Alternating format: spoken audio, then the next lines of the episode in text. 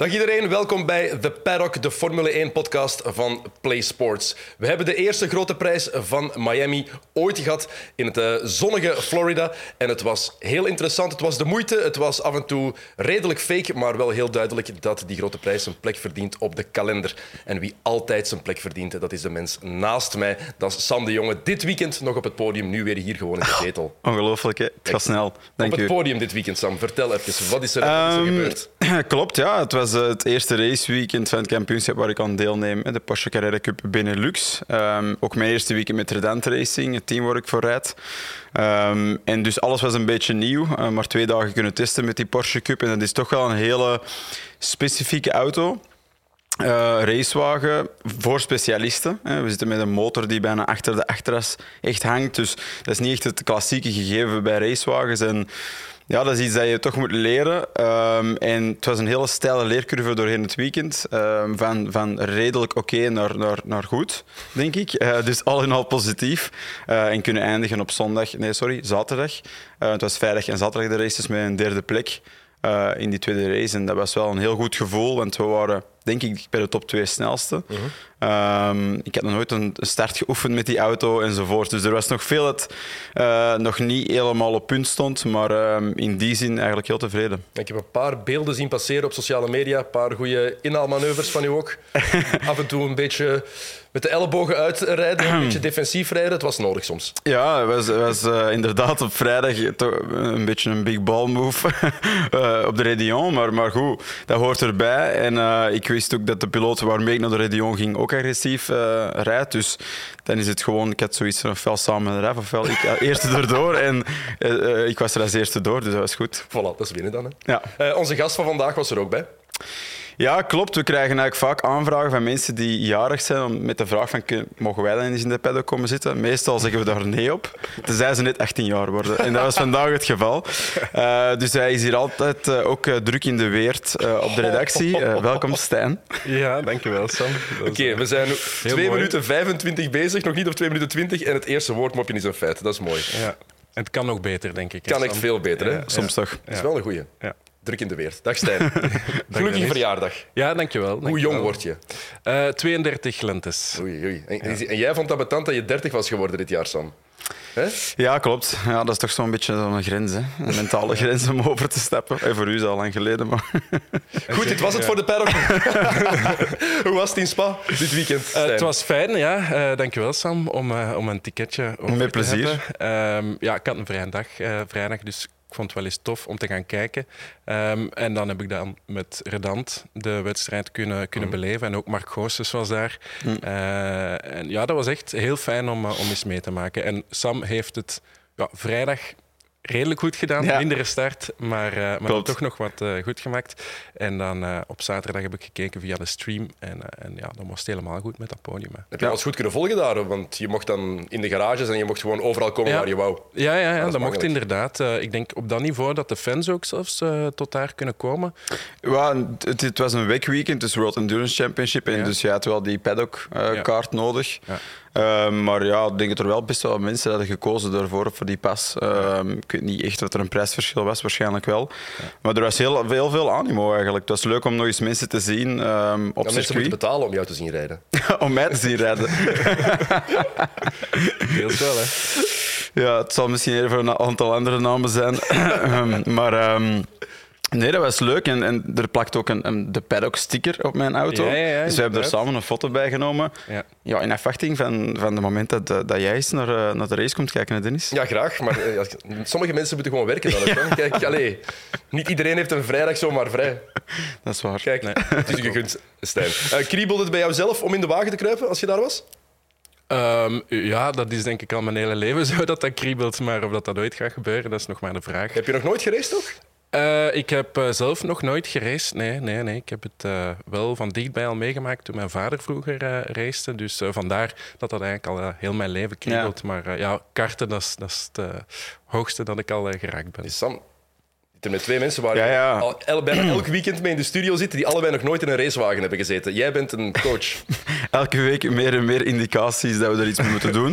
En, eh, Maar maar ik aan het aflopen. hè. dat gaan we binnenkort Ja, ook wel doen, ook, denk ik. Ik kan er nog een beetje over nadenken. Oké, we moeten daar wel een En verzekeringen regelen. mee naartoe. Ja, zeker die verzekeringen regelen. Heel belangrijk. Echt, ik ga het ook zelf in orde brengen. Eh, Jouw vader heeft wel geraced. Mijn vader heeft inderdaad eh gereisd. Ja, ik dat denk wist tot ik eigenlijk niet. 1994. Ja. Hij is eh, commentator geweest bij de, bij de VRT. ehm, en eh, heeft daardoor het geluk gehad dat hij sponsors kon meekrijgen. En dan heeft hij inderdaad gereisd. Eh, de Carglass Cup was dat toen nog, Ja. denk ik. Ehm, en dus ik heb dat als klein manneke meegemaakt. En, en vandaar is dat eigenlijk de autosport eh, toch wel in mijn bloed De gekomen. Carglass Cup. Wat voor, wa- wat voor auto's zijn dat? Ja, GT-wagens van vroeger, denk ik. Touring en GT, denk ik. Ja. Eh, het is ook ver voor mijn tijd. Ik denk dat het een beetje een voorloper was van de Belkaar. Ik denk het ook. Ehm, Ja. Dus het Belgisch kampioenschap eigenlijk, endurance. Ehm, ja, vroeger had autosport in België en dan misschien in Vlaanderen nog een veel groter aanzien. Ehm, ik weet niet echt waarom het veranderd is. In Wallonië is dat wel sterk gebleven, ook met rally. Ehm, maar ja, op circuitrijden dat is iets minder populair geworden. Al denk ik in de stroom dat we nu zitten, in die positieve opwaartse stroom, dat we daar misschien toch wel moeten op inspelen, ook in België. Eigenlijk is het raar dat er in Wallonië wel zo is blijven leven, terwijl we met Stoffel van Doorn letterlijk een Vlaming in de Formule 1 hebben gehad. Oké, het was alles behalve een succes, maar je zou toch denken dat het dan hier ook meer terug begint te leven. En dat dat niet enkel komt door Drive to Survive. Ja. Maar ik denk wel dat het circuit van Spa-Francorchamps er iets mee te maken heeft in die nabijheid. We hebben natuurlijk ook circuit Zolder in Limburg, maar ja, het zal misschien daar toch mee te maken hebben dat er grotere events eh, waren. En ik zeg het, die rally-sport is wel iets dat veel meer leeft in Wallonië. Ja. Ehm, en vandaar. Het komt ook meer op, op televisie. Hè. Het, Ja. eh, het WEC dat eh, afgelopen weekend gereden werd op Spa, was bijvoorbeeld op de openbare om- omroep, Franstalige openbare omroep te zien. Ja, dat is, dat is bij ons dus niet het geval. Ja, Formule 1 is ook op RTBF, denk ik altijd. hè? ja, Ja, klopt. Die mannen gaan ook effectief elk weekend ter plaatse. Hè? Ja. Ja, inderdaad. Het is een, een keuze inderdaad, om daar budget aan, aan, aan toe te wijzen. En zij doen dat inderdaad al... al hoe lang ga je het ongeveer rond? Ik denk misschien al wel 25 jaar. Niet normaal, maar die is, er in, die is er overal. Dat is niet zomaar budget, hè? Nee. Allee, je gaat naar Nee, nee. Australië, je gaat naar Bahrein. is een gigantisch budget, hè? Dat is waanzinnig. Ja, ja, ja. ja dan zullen ze het er ook wel een stuk uithalen, denk ik dan. Anders, eh, anders kan je dat niet blijven doen. Hè. Ja, ik vind het heel maf. Ehm, je zei het net al, ehm, autosport leefde altijd bij jou thuis. Ja, het was meant to be dat jij er ook iets mee ging doen. Hè? Vanaf dat je wist dat je in de journalistiek Ja. ging stappen, eigenlijk, had je geen keuze. Ja, nee, inderdaad. En dat is eigenlijk begonnen niet bij mijn vader, of, of, of deels wel bij mijn vader, maar ook door mijn Peter, mijn doorpeter, die eh, mij als kind altijd meenam naar rallies, naar, eh, naar de 24 uur van Zolder, van Spa. Ehm, en dan gingen wij met onze neven altijd eh, gaan kijken. En ehm, ze doen dat nu nog. Ze hebben nu zien, eh, zien racen de zaterdag. Ah. Ja, ja, ja. Ehm, en dan komt daar nog eens bij, inderdaad, dat hele verhaal met mijn vader. eh, ja, dus het kon, kon bijna niet anders. Dus thuis leefde dat echt wel ongelooflijk hard altijd. Ja, ja ik, heb, ik heb twee oudere broers. En ehm we hadden toen nog geen Kanaal Plus. Toen dat onze papa commentaar gaf eh, bij Kanaal Plus. En dan nam die achteraf, een cassette was dat toen nog, eh, mee naar huis. En dan bekeken wij toen al uitgesteld Ah, ja. eh, de, de, de Formule 1. eh, eh. Visionair. Ja, Canal Plus, de voorloper van Play Sports, voor de mensen die dat Ja. niet weten. Ja, dat is, zo keek ik vroeger mijn NBA-matchen. Ah, voilà, kijk. Maar ik heb met jouw broer ook nog samengewerkt bij Seat. Ja, klopt, toen ik voor Seat reed en het eh, national team in België. Eh, dan hebben wij een beetje zo samengewerkt. hè. En toen kenden wij elkaar nog niet echt. Nee, nee. Dus, wat eh, wat deed voilà. jouw broer dan daar? Eh, die, was, eh, die zat- deed marketing bij, bij Seat. Zat Ja. daar, Inderdaad, bij. Dieteren. Oké, Ja. Dus altijd gewoon in de, in de autowereld gezeten eigenlijk. Eh, mijn, ja, mijn broer die, die zat eigenlijk vooral in de mottowereld. Eh nu ook terug bij, bij Triumph. Ehm, maar ja, wij, wij thuis eigenlijk wel ja, met, met, met auto's eh, altijd bezig. Heb je eigenlijk veel opgepikt van je vader als het gaat, want die geeft ook commentaar. Eh, Formule Ja. 2 en 3 doe je bij ons. Heb je eigenlijk veel opgepikt van je vader? Of heb je daar, is dat, Ik vind dat je, moeilijk. doe je gewoon je eigen ding en doe je daar niks met? Ik weet voor Ja. de basketcommentaar bij mezelf, ja, Erik Goens was vroeger Ja. NBA-commentator. Mhm. En ik weet dat ik daar wel bepaalde dingen van onbewust van heb opgepikt, omdat je daar gewoon zoveel Ja. naar Ja, luistert. inderdaad. dus Ja. dingen die je automatisch overneemt, onbewust. Wel, het, is- misschien moeilijk om te zeggen, ehm, omdat er ook een grote tijd is tussen dat mijn vader gestopt is en eh, ik begonnen ben. Dus het is ook heel erg veranderd ondertussen met internet dat, eh, dat er is tussengekomen. Dus je kan eh, op een andere manier informatie zoeken. Hij heeft mij wel zijn schriftjes van vroeger laten zien. Ja, dat is allemaal uitgeschreven. Ik denk zoals Michel Wuits dat doet bij, bij, bij het wielrennen. Ehm, allemaal netjes in schriftjes en zo met, met, met artikeltjes uitgeknipt en zo van die dingen. En, en dat is nu wel totaal anders. Hè. Dus heb ik daar veel van Maar opgepikt. qua Goh, stijl bijvoorbeeld van commentaar geven. Dat denk ik niet. Ik denk omdat er zo'n groot verschil is eh, tussen allee, ja, van tijd Toen en nu, Ja, ja. ja. Maar wat doe je dan het liefst het commentaar geven bij de races of eh, in de studio zitten en het presenteren? Want ik doe ook beide dan eigenlijk, Ja. buiten het presenteren gedeelte niet. Is dat iets dat je zegt, ik heb een voorkeur voor, eh, voor het een of het ander? Goh, dat, is, dat is misschien een beetje vroeg, omdat ik nog maar net dat Ja. presenteren aan, het- aan het leren ben. Maar ik vind, ik vind het allebei heel fijn. Ehm, maar een antwoord Leuke gasten. daar- Ja, me- meestal wel. Ja, meestal wel. commentaar Eh, daar geven, moeilijk een antwoord op geven eigenlijk. Commentaar geven is, dat is het beste wat er is. Dan zit hij erin, hè? Dan zit Ja. je echt. Ja, vind ik ik heb dat bij basket Ja. ook. Je zit in die match en je leeft zo hard mee in de studio. Dat is ook heel leuk om te doen, maar je bent, veel, iets, je bent iets minder betrokken. Je zit daarin. Je, Absoluut. Je, je, ey, ik heb dat altijd na een match. Ik heb het gevoel soms dat ik zelf gespeeld heb. Ik voel die, die adrenaline ook in mijn lijf altijd. Ja. Als je, zo, je zet je koptelefoon luid genoeg dat je helemaal mee bent. Ja. Dat heeft toch nog Als net het dan een iets goede match is of een goede race, dan, eh, dan voel je dat inderdaad. Ja. Ja, ja, Maar- ja, dat is wel waar. Je gaat ook in een andere modus, vind ik. Hè. Je- bent veel alerter als je commentaar aan het geven bent, omdat je, je weet dat je niks mag missen. Ja. Eh, en dat vind ik ook wel zo. Dat is inderdaad in- een intensiteit en een voldoening achteraf, alsof je gesport hebt. Hè. Maar Ben jij dan zelf aan het meerijden ook? Mentaal soms? Als je echt aan, aan het kijken bent, als je commentaar aan het geven bent? Ja, eh, de- het ding is natuurlijk bij Formule 1 eh, uitzendingen dat ze eigenlijk niet heel veel onboardbeelden zien. O- of Ik vind toch altijd te weinig. Eh, maar vanaf dat het geval is, zeker. En het onboard, eh, het snelste rondje dat we hier altijd doen, ook in de studio, dat vind ik een heel leuk moment. eh, omdat ik dan natuurlijk als piloot wel zie van... Je ziet heel snel... Dat was misschien een foutje, daar is een beetje tijd blijven liggen. Eh, en waarom? Dus eh, die analyse vind ik eh, meestal het leukste. Eh, nog één ding over de commentaar geven. Krijg je eigenlijk feedback van je vader daarover? Of houdt hij dat, laat hij dat los? Vraag ik me af. Want ja, het is een professional, jarenlang commentaar gegeven, voor de VRT gewerkt, Sportweekend onder andere gepresenteerd. Ja. Ehm, krijg je daar feedback over of laat hij je daar, eh, daarin doen? Ehm, de feedback die ik krijg is, is eigenlijk dat hij het altijd eh, heel goed vindt. Dus ehm, ja, ik denk dat hij, dat hij gewoon fier is. eh, dat hij ook een beetje verbaasd is dat ik, eh, dat, ik- dat, dat, kan doen. Ja, en gewoon fier, dat, dat zal het woord wel zijn. Maar geen tips of zo?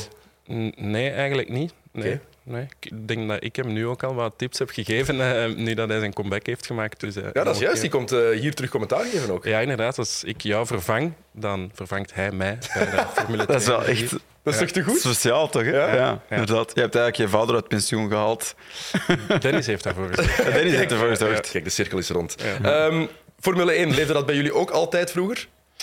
Ja, Echt? tuurlijk. Ja, ja, sowieso. Dus jij had ook van jongs af aan eigenlijk bepaalde Formule 1 helden dan. Eh, zeker. Wie ja. waren dat? Eh, Kimi Räikkönen eh, was zeker een van mijn helden toen hij nog ja, bij Sauber begon, dacht ik. Ja. Ehm, Mika Hakkinen was, eh, was ook wel echt een van mijn favorieten. Ik was niet echt een Schumacherman. Ja, ik... Ja, ja, ja, ik weet niet waarom, maar, maar, maar ja, dat zijn coole gasten, vind ik. Ja. Cool. Cool Ja. en koud. Ja. En, en figuurlijk. Ehm, ja, dus dat, dat waren zo wel van mijn, mijn jeugdhelden, ja. Hakkinen heb ik nooit iets voor gevoeld. Ah, ik wel. ja Ik weet niet waarom, wel, maar- ik ook wel.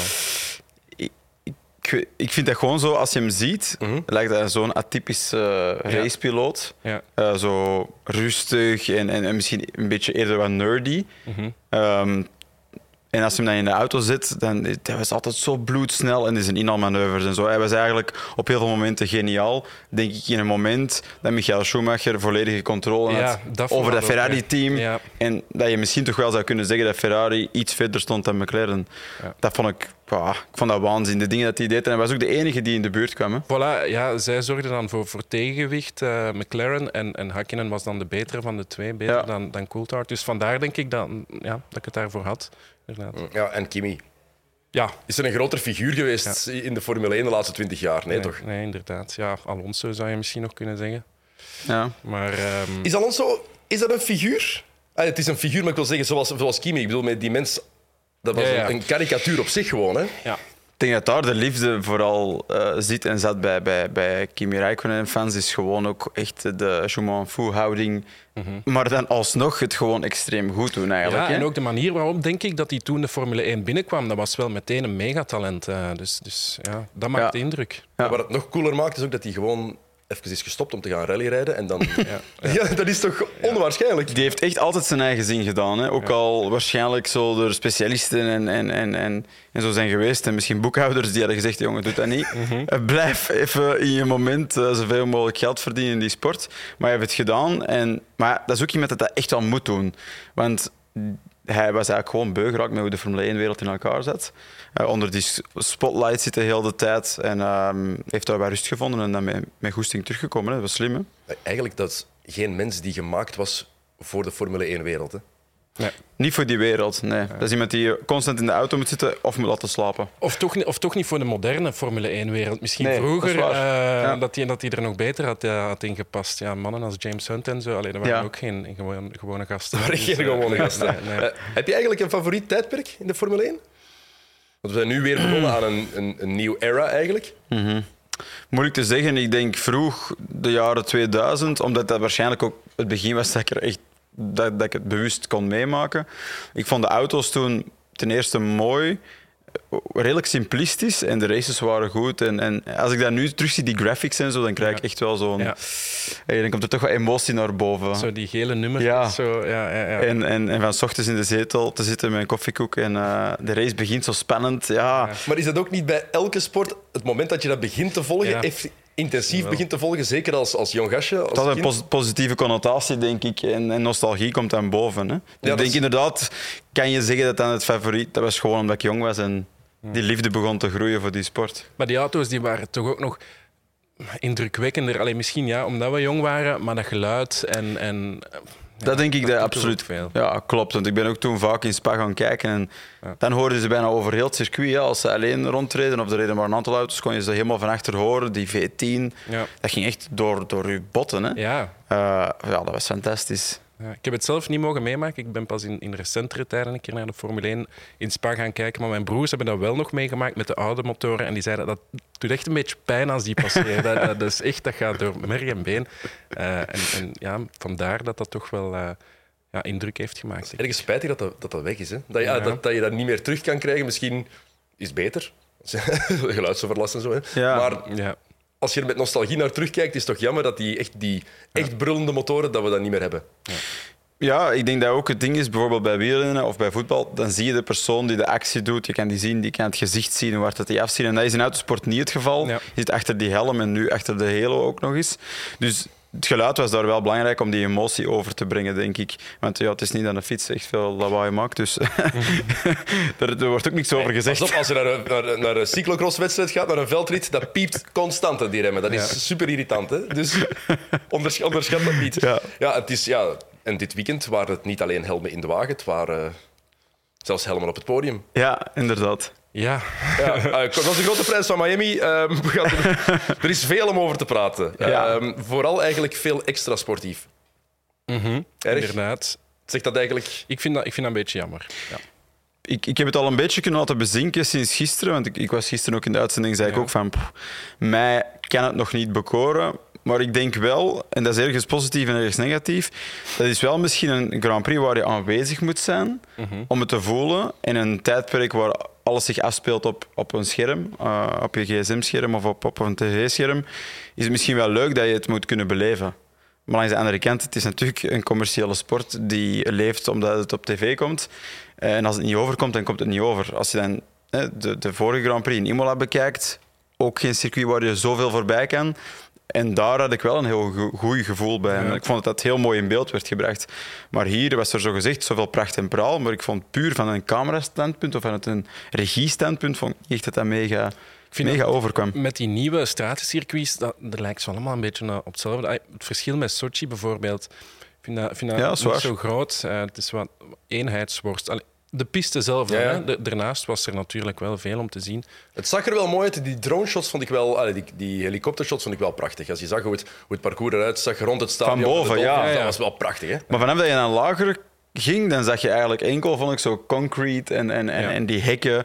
Eh, die bruggen ertussen, dat vond ik misschien nog het mooiste stijlelement. Ehm, ja, voor de rest kon het me niet echt, eh, toch niet vanuit een esthetisch eh, punt bekoren. En ze hebben het ook gewoon effectief even aangeplant nu voor die grote prijzen. Dat verdwijnt gewoon weer allemaal.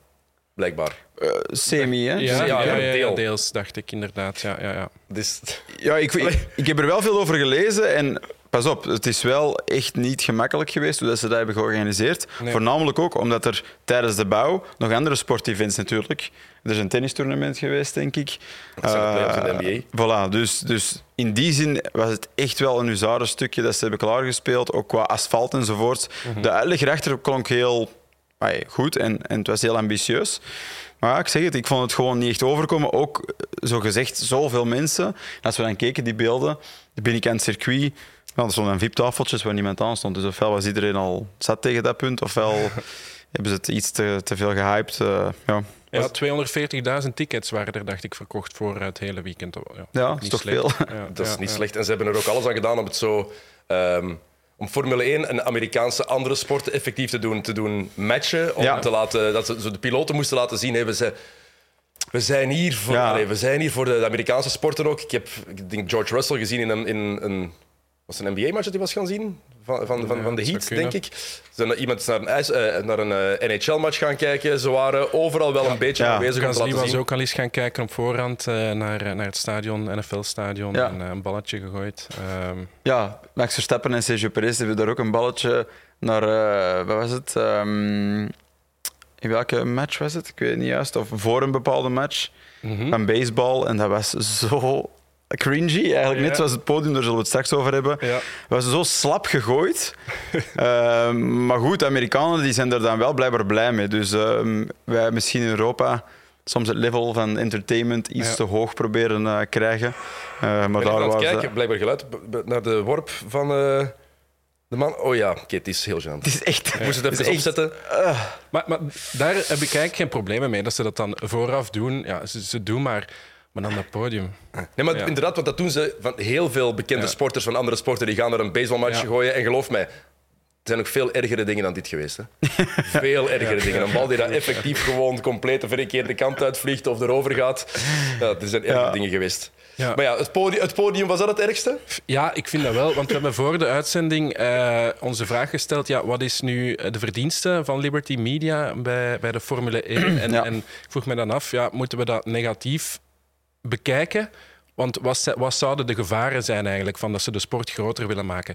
Maar dan, dan krijg je dat podium en dan komen, komt Sainz daar als eerste met, eh, met een helm op uit de NFL. En dan, dat, dat vond ik toch echt cringe. Gelijk Ja, dat het was, ze het, dingen- was, het was een heel raar beeld. Zo'n- eh, Zo'n marionetten, precies. Die Ja, sorry, politiebegeleiding ook. Ja, met die twee motto's. richting... camera dat dan nog niet werkt, dat hadden ze op voorhand inderdaad. kunnen testen, denk ik. En dat duurde, eh, ik heb, ik heb het even bekeken daarnet, eh ik denk 20 minuten voordat Ja. de rijders na het afvlagen op het podium kwamen. Ja, in Imola. Ik heb Maar het is ook enkel Max Verstappen, denk ik, hè, die, die zo traag begeleid werd. Hè, de ja, winnaar. hè. die anderen zijn denk ik gewoon... Die andere was ja, hier door deze kartonnen deur. Eigenlijk is het podium hier, maar we gaan doen alsof het eenmaal een stadium is. Ja, sorry, ik, maar ik heb, stadion is, maar... ik heb ook niet zoveel met Amerikaanse sporten, jij misschien meer. En, Absoluut. en daarom wou ik uw mening daar ook wel eens over horen, Dennis. Wat, wat, wat vind je van die hele show daarvan? Ja, dat is Amerikaanse, dat past Ja. erbij. Dat is, allee, ik schrik daar niet van. Ik vind dat ook altijd wat cringy. Dat is, ik- als je dat ziet, dat is echt awkward gewoon ook. Hè? Mhm. En ik beeld mij ook altijd in.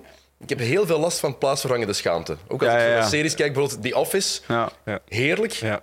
Café de Mol. Heerlijk. Ja, ook soms dat ik echt zo denk- Dat is echt vreselijk. Echt. Ik kijk daar ook zelf met naar. uit. Het is te lachen. Hè? Nee, maar The Office, de Britse versie met Ricky Gervais, Ja. dat is Heerlijk. fenomenaal, maar altijd heel moeilijk omdat het zo ongelooflijk Oh, zo, ja, zo pijnlijk om te bekijken, maar ja, Ricky Gervais, maar toch- top. geniaal. Maar langs de andere kant is het misschien ook wel een stuk omdat wij er nog niet, en dan bedoel ik eerder de community Formule 1 en de piloten, dat ze zo'n dingen nog niet gewoon zijn. ja, dat kan goed zijn. Dat zij het ook echt ja. slecht spelen. Ja. Maar dat zit Amerikanen die uitvoeren, die doen het wel vaak. Maar hoe kan je zit, het- dat show-element zit er gewoon al meer in het is meer getraind. Maar, maar hoe kan je met een, met een helm op het podium stappen, goed spelen. Er is Ja. toch niks dat je kan doen. Ik, ik weet het niet. Dat, dat, dat- hey, het is cringy, hè? maar lichaamshouding doet natuurlijk veel. En ach, het leek echt inderdaad een gimmick. Ja. Eh, we zeiden het er net ook, hè, als ze nu gewoon de helm hadden gegeven op het podium in plaats van een pit.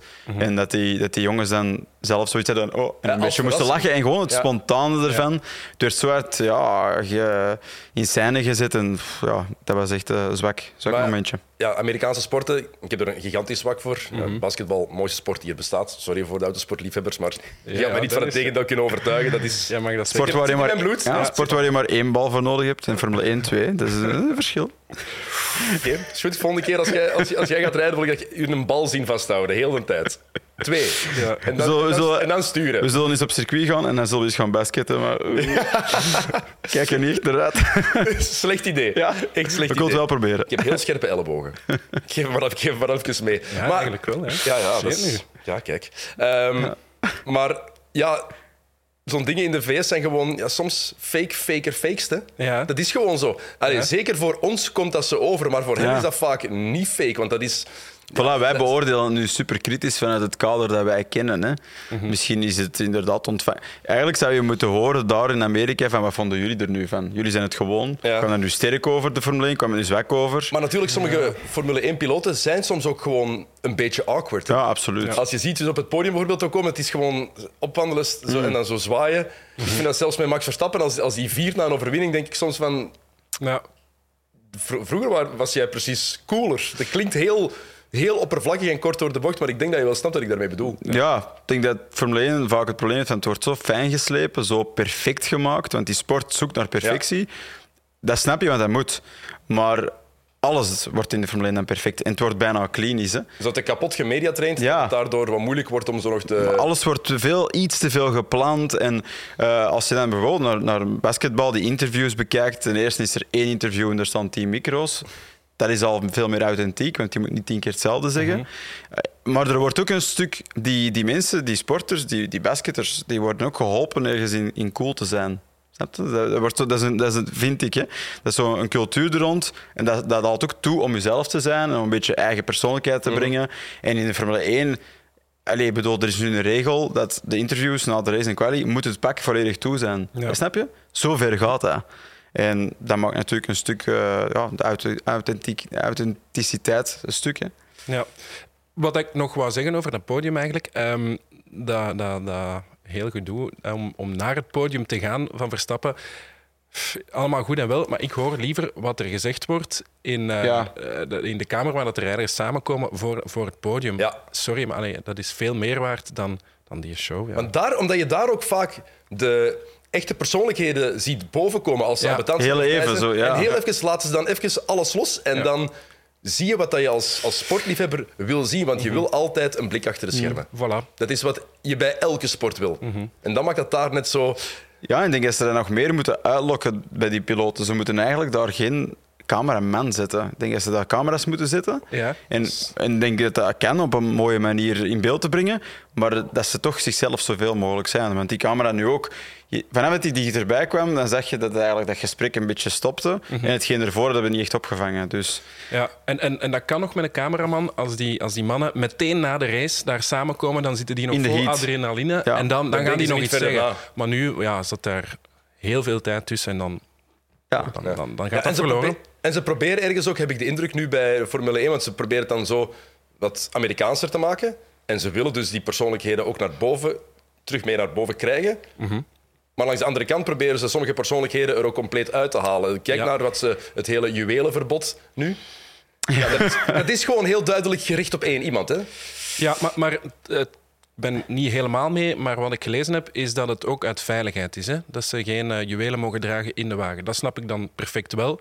Ik weet niet of dat er ook een regel is dat ze het niet mogen aandoen op het circuit. Maar, of, bevo- of- maar bijvoorbeeld... Jawel, het is tijdens het Ja, rijden. tijdens hè. het rijden. Maar Oké, bijvoorbeeld maar dat zo snap ik. de neuspiercing van Lewis Hamilton, Ja, hij kan die letterlijk ook niet, die kan die niet zomaar uitdoen. Hè? nee, toch, toch niet constant inderdaad. En als je bijna elke week in de racewagen zit, dan, dan moet je terug eh, een gaatje laten schieten misschien na een tijd. Nee, ik denk dat het te maken heeft een stuk met brandveiligheid, zo gezegd. Als het heel warm wordt, wordt dat extra heet. Ja, voilà. En een stuk, ja, het kan natuurlijk wel ergens achter haken bij het misschien uithalen van de piloten te wagen als het heel ernstig is. Maar- Maar, ja, ik vind ergens, kom, eh, ik bedoel, Er is, ook niemand, er is toch ook niemand die met een ketting aan of met ringen aan denk- rijdt of Nee, inderdaad. Dus, dus eigenlijk is het een beetje een storm in een glas water, ja, denk ik. inderdaad, Eh, misschien wel.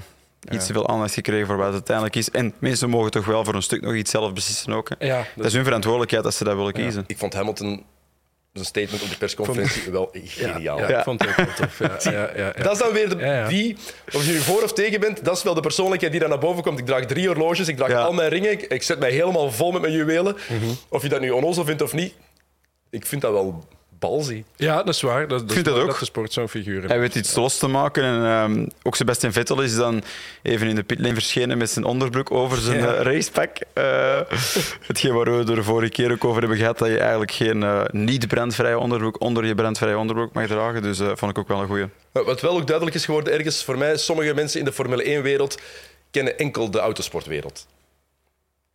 Er was een interview, was het Martin Brundle die het interview deed, denk ik? Ah, ja, ja, en hij dacht dat hij Patrick Mahomes had, Ja. de quarterback van de, de Kansas City Chiefs. Ja, het was Paulo Banquero, dat is een, een gast die dit jaar gedraft gaat worden in de NBA, speler van Duke.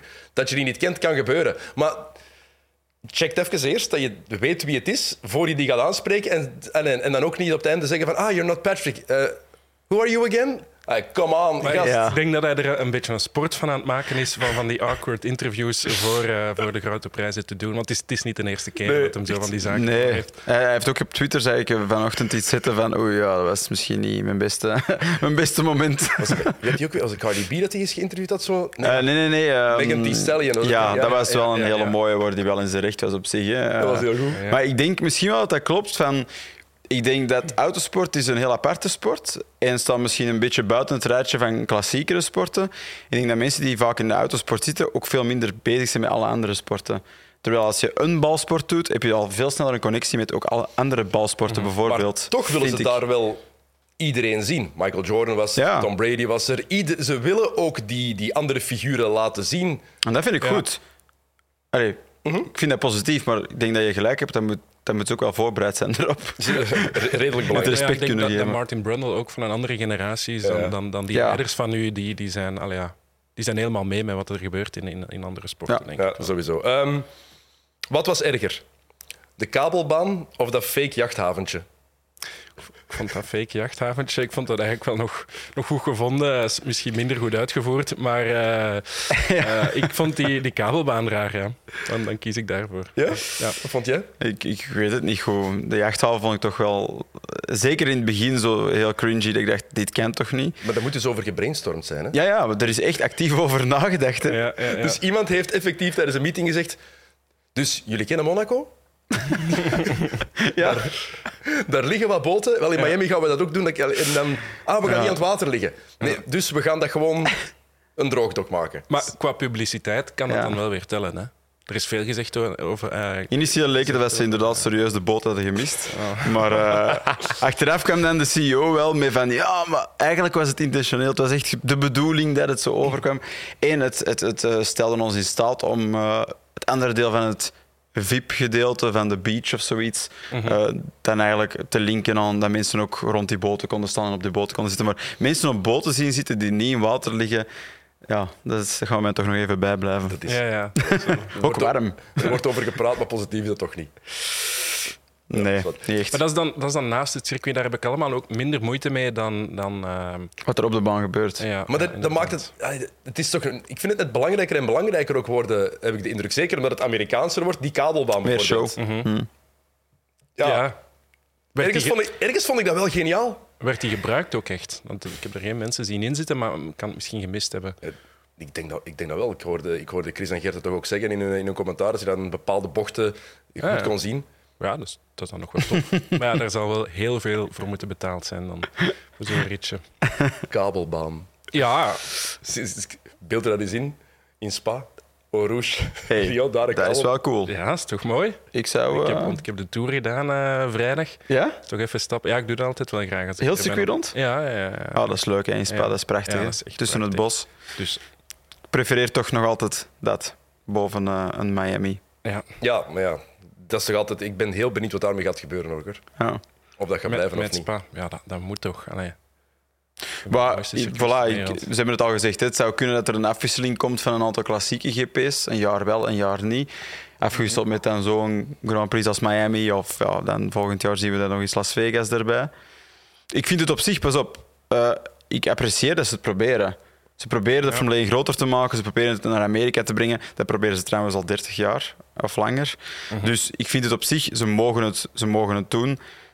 Hopelijk kunnen ze authentiek blijven en kunnen ze echt blijven. Maar, maar de goed, populariteit is daar echt groter en groter aan het worden. Zijn dus ze moeten wel, toch? Als ik zelfs, ja. zelfs bepaalde netwerken hebben nu Formule 1-podcasts en ja. die daar nooit mee bezig waren, die nooit nee. met Formule 1 bezig waren, maar die dankzij Drive to Survive er helemaal ingekomen zijn. En mensen kunnen zeggen, ja, Drive to Survive hadden echt veel puristen, veel autosportliefhebbers ja. die het al 20, 30 jaar volgen, die zijn niet zo'n fan van Drive to Survive. Mm -hmm. Heb ik al vaak gehoord en gelezen. Ja. Maar ja, je kan het gewoon niet tegenspreken, het werkt. Ja.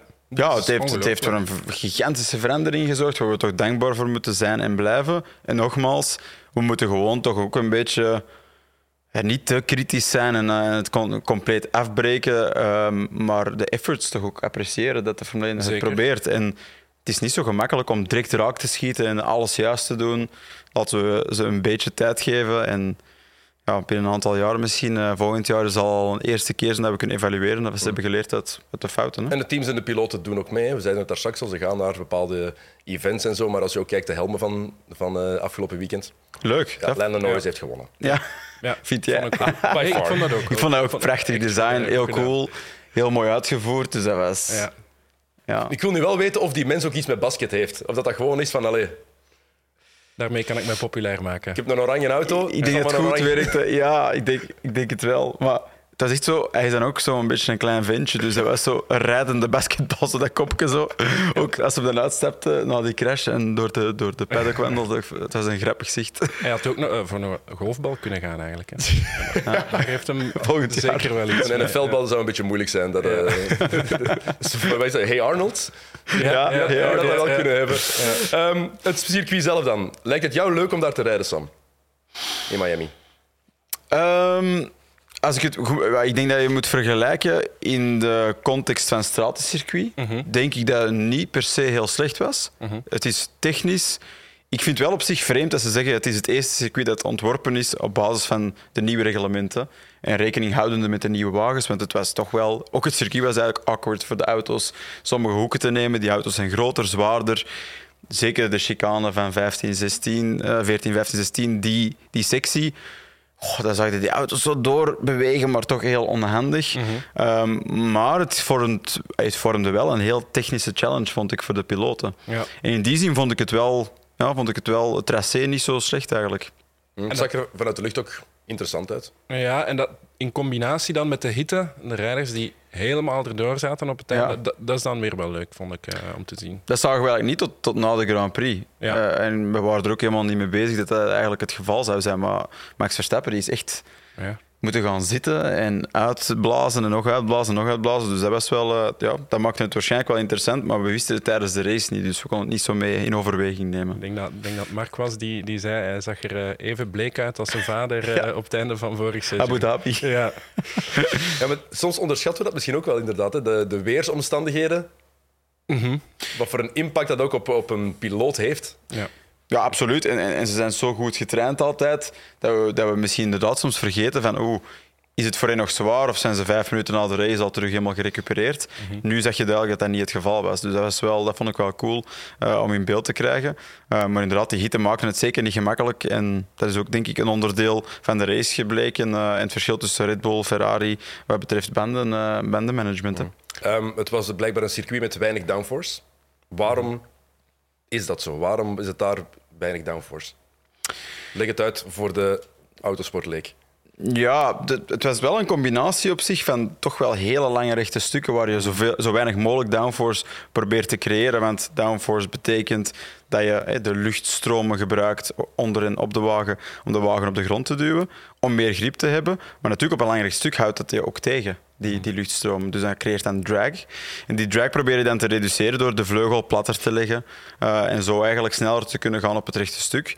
Um, en dat moesten ze dus hier wel doen, met die lange rechte stukken, want ik denk dat het langste rechte stuk 1,4 kilometer uh -huh, was, dus extreem lang.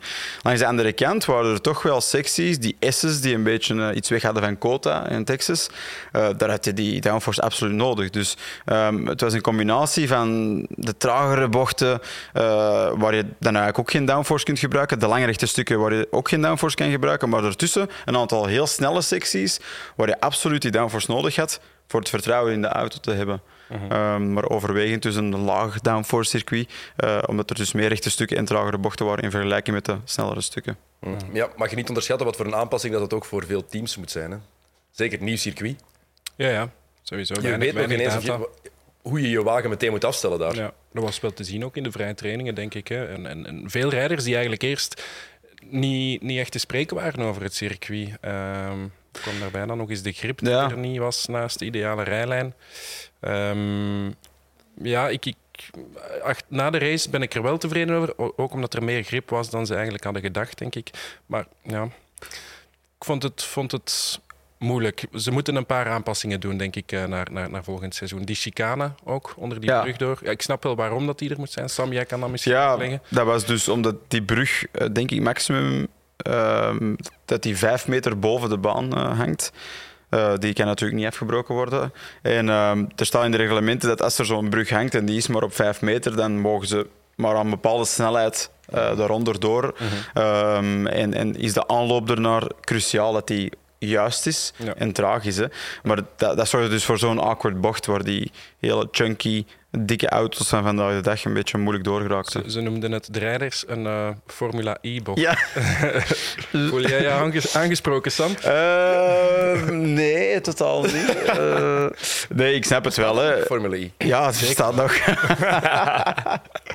Ehm, ja, ik snap wel de opmerking, want de circuits in Formule E zijn vaak zo natuurlijk. Want als ze veel groter en breder zouden zijn, zouden ja, die batterijen, batterijen in die auto's niet heel lang meegaan. Dus Ja. het is wel te begrijpen. Ook in de citycenters rijden ze langs de mooiste locaties, maar dat beperkt de circuits dus. Maar ik vond het op zich wel een terechte, terechte opmerking. Ja. Eh, de race zelf dan. ja.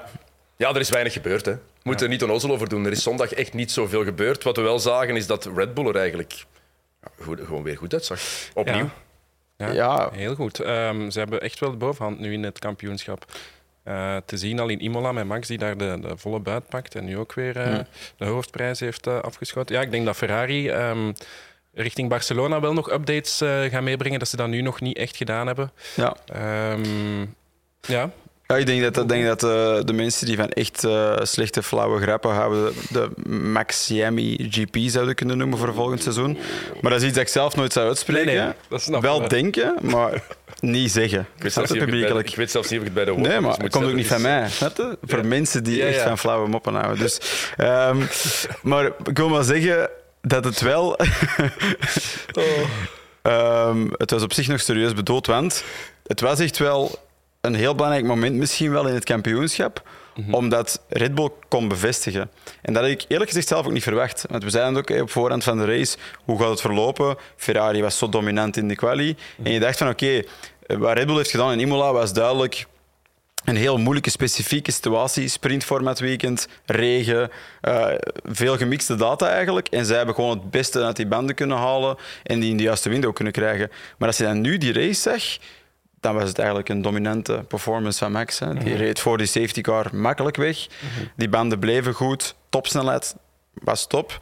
Maar ook de beginsnelheid uit de bochten, hè. de tractie. Dat zeiden we ook heel de Ja. tijd toen we met Mark hier ook zaten te kijken in de studio. Van de tractie van die Red Bull was zo, zo goed. Dus ehm, het is toch wel misschien wel ergens een kantelpunt van die eerste race zeiden we, ja, het, het is het Ferrari-jaar. Leclerc die kan nu voor de eerste keer wereldkampioen worden en zal ook waarschijnlijk gebeuren. Red Bull zat met die, die re- reliability, betrouwbaarheidsproblemen. Maar nu begint toch, ehm, het begint toch echt te kantelen, vind ik. Ja, dat wel. Maar volgens eh, Mattia Binotto hoeft dat eh, geen probleem te zijn, omdat zij bewust nog geen grote updates hebben gebracht. Ja. Ehm, ja, met de budgetcap van, wat is het, 140, 140. miljoen dollar.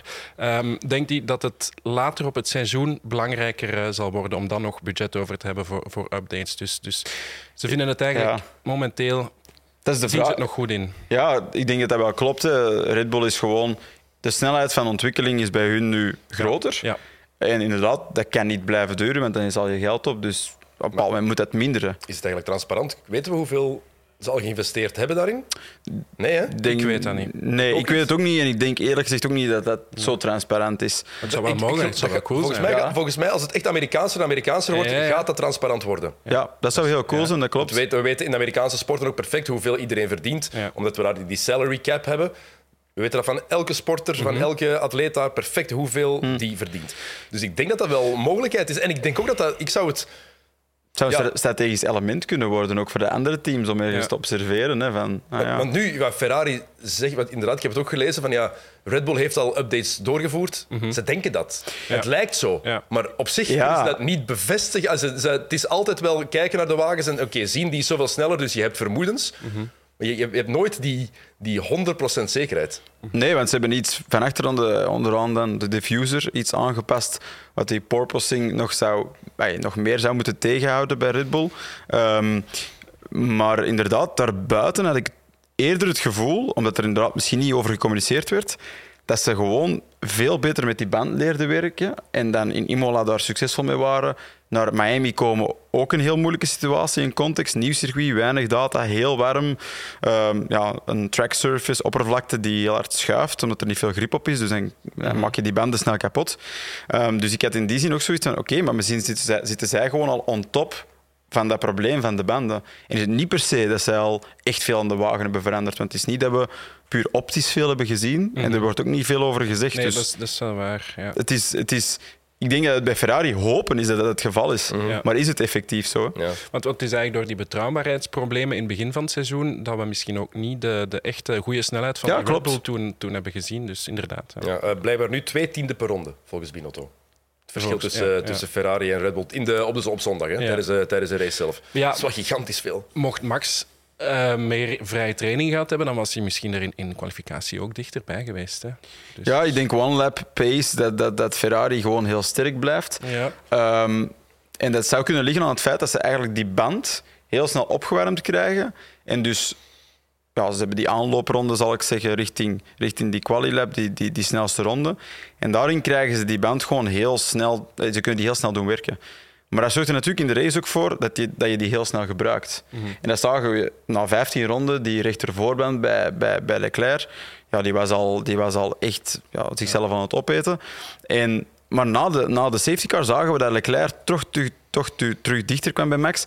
Ook misschien weer voor, van hetzelfde, van oké, die band die wordt snel warm, Ja. die werkt snel, maar verliest dan daarna natuurlijk de performance. Ja. Dus Red Bull lijkt in de long run eh, het veel beter te kunnen preserveren. Maar tijdens de one-lap pace eh, blijft Ferrari sterk. Maar, maar je zei twee tienden hè, dat het verschil Ja. was. Dan, dan oké, dat is veel. Maar Dat zegt Binotto. Hè. Ja, ja. Maar als ze dan nu een update gaan brengen naar Spanje, ja, dan kan dat wel zo gedicht zijn, denk ik dan. Ja, Spanje is natuurlijk altijd het moment voor de teams om, om veel, veel updates te doen. Eh, is ook het circuit waar ze getest hebben in de winter. Dus ja, dat wordt wel een belangrijke. Hè. Daar gaan we Maar iedereen aan Ferrari de top of the game was zien. al toen, hè? Ja, waar Ferrari inderdaad toen al goed was. Dus Miami blijft. Het zou een kantelpunt kunnen geweest zijn. Langs de andere kant, het was ook een buitenbeentje in dit seizoen. En, Dus- Leclerc, en Leclerc staat nog altijd op de eerste plaats in het WK ook. Hè. Het is nog Ja, altijd ja. Verstappen nu... Het gaat wel snel, hè? Het gaat snel, hij komt ja, dichterbij. inderdaad. Maar het is ook veel te vroeg om nu al te zeggen, die, die Ja, gaat het ja. halen. We Ja, voilà. weten, er moet maar één keer iemand crashen en het is een verschil van, weer een verschil van 30 punten. Dat kan zo ongelooflijk snel keren. Ja. Maar wat je wel merkt, vind ik, is dat Verstappen... Ja, in het begin had er inderdaad die, die betrouwbaarheidsproblemen. Maar nu voelt hij zich helemaal op zijn gemak in die auto. hè. Die start alleen al. Dat is weer fenomenaal gewoon. Perfect weg. Sainz die daar misschien een beetje te zwak verdedigt. Ja. Ja, maar, maar die, die performance van Sainz, um, daar, we moeten er misschien niet te veel tijd aan besteden, want we hebben er al veel over gepraat. Hij heeft niet het volle vertrouwen in die auto. We zien ook doorheen het veld bij de, bij de teams een verschil tussen de twee piloten. De ene kan beter om met deze generatie auto's en de andere die hangen misschien nog iets meer vast in, in die vorige generatie. Dus dat is gewoon driver preference en, en een soort van rijstijl. Maar bij Sainz, ja, hij blijft crashen. Ehm, hij is duidelijk aan het pushen, want anders zou hij hem niet crashen. Maar daar was Maar natuurlijk- net niet aan het pushen bij, die, bij dat inhaalmanoeuvre van, eh, van Verstappen. Misschien omdat hij in het verleden zo veel... Voilà. Dus eh, ik, ik snap ook wel die, die, die mindset bij hem. Mentaal is het heel erg moeilijk ehm, om jezelf niet onzeker te voelen als je teammaat weer de pole rijdt. En dat vind ik wel knap. Hij heeft in de quali toch gedaan, die tweede tijd. In de race was hij niet perfect, maar ook niet, niet slecht. eh, in rekening houdende met wat er allemaal gebeurd is dit seizoen. Dus Ja. Heeft dan, heeft dan ook eh Perez nog kunnen afhouden. ja, Oké, Perez die had blijkbaar wel een probleem met de motor, eh, 30 pk Ja. minder. Eh, nadat- anders had hij volgens mij Ja. met die nieuwe mediumband, eh slimme stop van Red Bull, ehm, misschien wel erover geraakt. hè. Mhm. Wat vonden jullie van Mercedes dit weekend? Want wat mij daarin opviel is nogmaals bevestiging: Russell is totaal niet geïntimideerd door Hamilton. Hè. Nee, nee Die dat is mooi, hè? Zoveel zelfvertrouwen. Ja, ja ik vind, ben echt blij dat dat zo goed lukt voor, eh, voor Russell. Eh, Ik denk dat hij, denk dat hij zijn jaren bij Williams ook heel veel zelfvertrouwen heeft getankt. Mhm. Hij was er echt wel ja, outstanding. eh, reed ver boven het niveau van de auto. En, en is gewoon ook iemand slim en intelligent. Die, je ziet hem altijd nadenken. En ja, die heeft zichzelf in een soort van headspace gekregen. ehm, van zich niet te laten intimideren door Lewis Hamilton. En ja, dan heeft hij een beetje geluk dat dat, dat begin van het seizoen voor Lewis zo slecht verloopt. En dan wordt, dan word je enkel sterker. Hè? Maar kunnen ze, kunnen ze optimistisch zijn, denk je, na dit weekend bij Mercedes? Eh, ik denk het nog niet. Nog niet want ehm, in de vrije training zag het er, zag het er goed uit. En dan maar ze wisten eigenlijk niet, niet goed waarom dat, dat, het, eh, dat het goed ging. Dus ze zitten echt nog niet bovenop de, de problemen. Ehm, Ja. en ik denk dat ze nog een paar dingen gaan proberen. En als die niet lukken, dan gaan ze radicaal Ja. veranderen van richting. Maar, maar voorlopig ja, blijft het nog afwachten wat dat echt Maar radicaal veranderen van richting is dan alles op volgend seizoen zetten en dit jaar laten schieten. Zouden ze dat doen bij Mercedes? Dat Na de succesjaren die ze daar gehad hebben? Ja, maar ja, ofwel is het nu blijven vasthouden aan een idee dat uiteindelijk niet, niet lijkt te werken, Ja. of blijkt te werken. Ofwel is het misschien volgend jaar terug meespelen. En ik bedoel, dit jaar zal het toch niet worden. Hè. Ze hebben al veel te veel verloren. Inderdaad, ik denk dat dat klopt. Dat, hun, dat radicale design van die sidepods en de vloer die je duidelijk kan zien, maar die zorgt voor heel veel instabiliteit in die auto. Ehm, ja, uiteindelijk zullen ze toch moeten kunnen zeggen, dit was het niet. Hè Mhm. het goed geprobeerd. Ja. In de data en de simulaties was het top. In het echte niet. Maar ik denk dat ze daar nog niet zijn op dat Nee. punt van, van het nu al toe te geven. Want ze geloven nog altijd wel in wat dat ze hebben gemaakt. Ze moeten alleen proberen van, ja, van, van, van het te laten werken. Maar ja, hoe lang gaan ze daar nog mee door? Ja, dat is Ja. nog maar de vraag. Waar mensen wel mee moeten stoppen met te, eh, is met te zeggen dat Lewis Hamilton eh, niet met een slechte wagen kan rijden. Of niet met een mindere wagen kan rijden. Die mens heeft bij McLaren echt niet altijd geweldige bolides gehad. Hè? Echt, Ja, wel- niet altijd. Ja, nee, nee, nee, tuurlijk niet. niet de laatste altijd, drie maar- jaar daar ja, bij- ja. Van, eh, van Hamilton bij, bij McLaren. ik- ik vind dat gewoon zo vermoeiend.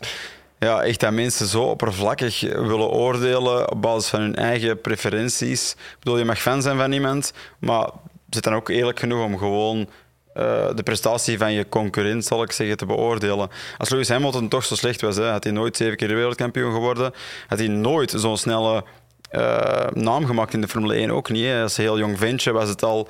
Hij is aangetrokken door McLaren omdat hij zo extreem goed was. Ehm, en alles wat hij daarna heeft gedaan, die move naar Mercedes, die eigenlijk kwam op een heel vreemd moment, was omdat Ross Brown en Toto Wolff en iedereen die ermee achter zat, uiteindelijk ook Niki Lauda, die zeiden, wij gaan een heel goed project doen, we weten dat. Wie willen we ervoor? Jij, want jij Ja. bent de beste piloot ervoor. Ja. Daar wordt, er zit zoveel data en analyse achter, dat als je nu nog gelooft dat dat een toevalstreffer was en dat hij gewoon geluk heeft gehad, ja, dan volg je de Formule 1 niet goed genoeg. Wat ik wel geloof, is dat, dat George Russell, door bij Williams te rijden, wel geleerd heeft van in moeilijke omstandigheden ehm, met die wagen om te gaan. Ik denk dat dat, van het imperfecties. seizoen- ja, dat Ja. dat in het begin van het seizoen er wel voor gezorgd heeft dat die Hamilton bij momenten ja, wegreed. Maar niet alleen in de Ja. wagen, ook ernaast. Mhm. Want Hamilton heeft de laatste zeven jaar natuurlijk niet, is in, niet met moeilijkheden moeten omgaan. Op vlak van als het op de wagen aankomt. Ja. moet ik Zeggen, hè. Als, dat, puur daarop. Puur De op druk van een kampioenschap. Absoluut, dat altijd. Maar ik heb het puur over. Wat is er aan de hand met die wagen? Ja, ja. Waarom kunnen we niet sneller gaan? En hoe geraken we eruit? hoe geraken we eruit? Ja, Russell is niet anders, is niet anders gewend geweest bij, bij Die is beter Williams. getraind erin geweest, Ja. inderdaad. Hè. Ja. Beter getraind om, om in zo'n crisissituatie toch het betere eruit te halen. En ja, inderdaad, dat klopt. Hamilton heeft het nog moeilijker met dat proces juist te managen. Hm. En wat we wel zien dit jaar, Albon, die Ja. haalt wel iets uit de Williams van dit jaar. En dat is niet evident. Goed voor hem, echt. Echt? Goed voor hem. Ja. Ja. Ja, dat is zo'n, dat is zo'n persoon, denk ik, eh, die heeft die gunfactor. Hè. Iedereen gunt het hem. down to earth en een uitstekende rijder. Uh, rijdt uh, Latifi volledig zoek. Uh, en Latifi was vorig jaar redelijk dicht bij George Russell. Om ja. maar ja. even te refereren naar hoe Albon dan eigenlijk wel is. Dus Albon is eigenlijk gewoon opnieuw te vroeg afgeschoten? Ja. Of afgeschreven, moet ik eigenlijk zeggen. Of te vroeg in, in die positie gebracht. In zijn ontwikkeling. Bij Red Bull. Bij Red Bull, hè, bedoel ik. Die kansen die hij daar kreeg ik vond initieel dat hij dat niet heel slecht deed trouwens. Het eerste hij heeft gewoon een aantal. Okay. Ja, mm-hmm. Toen hij um, Gasly vervangen had. Ja, in Spa was, was direct top. En dan, oké, okay, is dan twee keer er afgetikt, denk twee keer door Lewis Hamilton, wanneer ja. hij in een podiumkoers lag. Ja, dat, dat geeft het toch een klap. Mm-hmm. En bij Red Bull is dat niet dat ze zeggen, ah, kom eens hier, uh, schouderklopje, Helmut Marco. Nee, nee, nee, dat is keihard. Hè. Dat is get over it en uh, do your job. En ik denk dat ze daarin wel vaak, en dat is al zoveel gebleken, veel te snel willen gaan en veel te hard zijn. Ja, maar ja, als ik het me goed herinner, dan leek het toch ook een beetje gebroken of zo. Die fighting spirit, ja, dat verdwijnt toch op een bepaald moment. Oké, okay, maar ja, ligt het dan aan de piloot of aan de manier waarop de piloot wordt gemanaged? Ja, want niet iedereen is Max Verstappen natuurlijk, hè? Mm-hmm. Die op zijn 16 in de Formule 1 kan stappen, die op, zijn jonge, op jonge leeftijd ja. naar het grote Red Bull gaat uh, van Toro Rosso en daar wel duidelijk met die druk om kan. Mm-hmm. Ja, maar die heeft altijd die druk, die druk gehad van, het, van het, zijn vader ook. Ja. Um, er is altijd geen garantie dat je daarmee om kan. Het is niet dat je opgevoed wordt dat je nee, maar hij is wel, dan goed presteert ook. Nee, want ik, ben, ik sta totaal niet per se achter uh, de, de pure harde manier van, van, van uh, kinderen op te voeden, zal ik zeggen, of, of sporters groot te maken. Um, moet dat, denk ik toch altijd constructief zijn. En dat was denk ik bij, bij Max niet altijd het geval in zijn leven. Dus die heeft dat wel beter geleerd van, dat, van zich af te sluiten. En hij zal het ook wel een beetje in zich hebben gehad. Toch wel een aantal karaktertrekken van zijn vader, die ook echt zoiets had van ja, fuck you all, ik doe mijn ding. En als dat niet goed genoeg is, ja, ja. zoek er maar iemand anders. Dus um, dat heeft Max gewoon meer dan, dan misschien een andere piloot. Okay. Moeten we nog iets zeggen over de twee crashes die we hebben gezien zondag? Eerst uh, Norris en Gasly. Ja, uh, ja, eerst was het uh, Alonso en uh, Gasly, denk ik. Hè? Ja, daar, ja. daar begon het. Juist, ja. waarop dat Alonso toen nog zei van het was, het was mijn bocht of zo. Ja. was ervan overtuigd dat hij niet in fout was. Heeft zich intussen wel geëxcuseerd, heb ik gelezen. Wat dat mooi is. In de heat of the moment natuurlijk. ja, dan, dan, zoals Mark ook zei, als je maar eerst roept dat het je bocht was, dan, dan, dan gaan de stewards er misschien anders naar kijken. Maar het was denk ik overduidelijk dat hij van te ver kwam. En dat hij probeerde, maar dat lukte niet. En dan Gasly, ja, slachtoffer ervan geworden. En dan toch achteraan, rechts, rechts achteraan iets dat gebroken moet zijn. Of, of sporing die, die helemaal uit de haak stond. Um, en ja, die wagen werd dan onbestuurbaar. En Norris is er dan tegengereden. Daar vond ik niet echt dat er iemand echt in fout was. Dat gaat over millimeters. Blijkbaar probeerde Gasly wel te sturen. naar rechts te sturen, maar, maar ging het gewoon niet en, en heeft hij Norris uh, meegenomen. Ja. Dus hij wilde zich daarvoor ook niet excuseren, omdat hij vond dat hij er toch alles had, uh, aan had gedaan om een aanrijding te vermijden. Dus. Spijtig voor Norris. Ja, ja, maar hij was ook niet heel goed bezig, niet denk top, ik. Hè? Nee. En basketbal is een contactsport, hè? Dus hij heeft misschien zelf wel een beetje uitgelokt met wow, de helm Dat is een hele mooie. Dat is een hele mooie. uh, er was ook een Duits crashje. Ja. Shubi en, uh, en, ja. Net, die, net die twee. De ja. mentor en... Uh, ja. In, in wat dat eigenlijk een keer een goed weekend was voor, voor Mick. Ja. Kwalificatie voor Kevin Magnussen. Absoluut. Dat, dat absoluut een keer nodig. En ik, ik wil dat ook wel, want ik heb hem gezien uh, de twee seizoenen dat hij in de Formule 2 zat. En ik dacht van, ja, die gaat toch wel iets kunnen, maar het komt er, het komt er zo niet echt uit. Dit weekend was, was het dat wel. Hè? Ja, ja, Mocht je dat dus hebben, elk raceweekend, dan heb je Mick, uh, Mick Schumacher dat je zegt van oké, okay, er zit echt iets in. Ja. Je wilt gewoon zien dat, dat iemand met een mindere wagen op zijn minst probeert. Mm -hmm. En als dat niet lukt, oké, okay, dan lukt het niet. Maar hij deed het dit weekend heel goed. Mhm. Uh, ook een aantal knappe inhaalacties. Je zag dat zelfvertrouwen groeien. En natuurlijk, dan heb je een moment waar dat zelfvertrouwen misschien een beetje overstag gaat. Omdat je zit in die goede vibe en alles lukt goed. Um, de move op Vettel was van veel te ver. Was ook gewoon echt een stevige touché. En nu moet Miek met een, uh, een, een zeer Schumacher uh, resultaat naar huis. Hè. Uh, en dat is wel spijtig na, na een sterk weekend. Dus. Sam, het is te zien, je hebt me dit weekend niet gezien, zat er manier. Woordpopjes zijn alleen mindere kwaliteit vandaag. Ik heb u wel gemist, moet ik ja, zeggen. Ja. Het was, het was, allee, kijk, dank u, Schumacher. Bedoel ik. Ja, ja, ja. Dat is niets tegen jou, Stijn, maar dat is die, die kalmte-uit-connectie. Dat, dat komen er bepaalde, dingen, er bepaalde dingen naar boven, blijkbaar, over de beste mij. Uh, um, ja. Nog één naam die ik erop geschreven, geschreven had, Fernando Alonso. Geweldig begin. Ja, Maar dan. ik had die, eh, ik had die ook opgeschreven, Dennis. Eh, hij gaat denk ik van plaats 11 naar 7 Ja. in die eerste bochten. En weten jullie hoe dat, dat komt? Dat hij daar... eh, ja? Maar jij mag het vertellen, want het is een hele mooie anekdote. Ja, het was blijkbaar de traagste drivers parade ooit. Eh, voor, de voor de show, hè? Ja, voor de Traag, show inderdaad, ja. voor eh, Amerika. Eh, dus dan, dan worden ze getoond aan het publiek. En ehm, zo traag dat ze zelfs gestopt zijn, denk ik, in, in de eerste bocht. Ja. En Alonso die heeft daarvan gebruik gemaakt om even de, de piste te inspecteren en gezien van... Hm, dat lijkt hier properder dan het hele weekend al geweest is. Ja. Hier ga ik het doen. Ja. Voilà. Ja, inderdaad. Hij, zei van, ja, er zijn geen stukken van het asfalt die loskomen, geen losse korrels, Ja. eh, weinig marbles, dus weinig rubber en het ziet er heel proper uit. Nu, als ik dat las, dan dacht ik, is dat een heel mooi verhaal dat hij erbij heeft verzonnen nadat hij de actie heeft gedaan? Of is het echt zo? Maar bij, bij, bij Fernando Alonso zou je, zou je er wel Ja. van kunnen... Zou je het wel kunnen geloven dat wel. strategisch mastermind... Ja. Het zou cool zijn. Het is wel cool. Eh, Je kan dat zien en denken, maar als je eraan aankomt in een Formule 1-wagen tegen 180, 190, 200, dan moet je dat toch nog kunnen uitvoeren. hè? Ja. En Ballen moeten dan hebben, denk ik. ballen en, en, en toch de, de, de skillset om het te doen en te doen werken. En ja, dat weten we, dat doet hij altijd. hè. Die eerste rondes zoekt grip waar niemand het vindt. Ja, ik vond dat heel mooi. Mhm. En dat hij dat op deze leeftijd, dat hij daar nog zo mee bezig is. Dat is, Ja, dat is toch die details. te zien. Passie voor de sport. Hè? Ja. Ja. Dat is heel echte, echte winnaar. Ja, mooi om te zien. Alright, goed. Stijn, bedankt om eh, hier te komen zitten. Is dat is fijn dat je gedaan? was. Het is gedaan, ja. We, Ja, moeten, we moeten afronden. Ja, Geniet ik had van... eh, nog wel wat genoteerd, Dennis. Ja, ik weet het, maar over twee minuten moeten we stoppen. Ah ja, oké, dus ik, we hebben goed. 62 minuten. Hoe snel kan je lezen? Eh, ja, mijn verhaal is mooi, maar het gaat langer dan twee minuten duren. Voor de volgende keer. hè? Je moet terugkomen. Ja, Maar je moet hier ook zelf eens komen zitten. Ja. Binnenkort nog. Ja, dus hou het bij voor dan, zou ik Ja, zeggen. ja, Dan ja. eh, kan je het met, met, met Sam bespreken. Ja. Sam, jij ook dikke merci. Eh Stijn, geniet nog van je verjaardag. Ja, dat ga Ja. ik je zeker doen, iets dankjewel. tof gepland hebt nog. Eh, gaan werken nog. Gaan werken, Ja. kijk. Ook tof, hè. En het, is, het is een harde stiel. Het is een harde stiel. Ehm, Oké, jullie bedankt om te kijken of te luisteren. Eh, of voor allebei natuurlijk. Het kan ook gecombineerd worden. Eh, wij zijn terug over twee weken na de grote prijs van Spanje in Barcelona. Dus dat wordt eh, hopelijk opnieuw de moeite. Tot de volgende keer. Salut.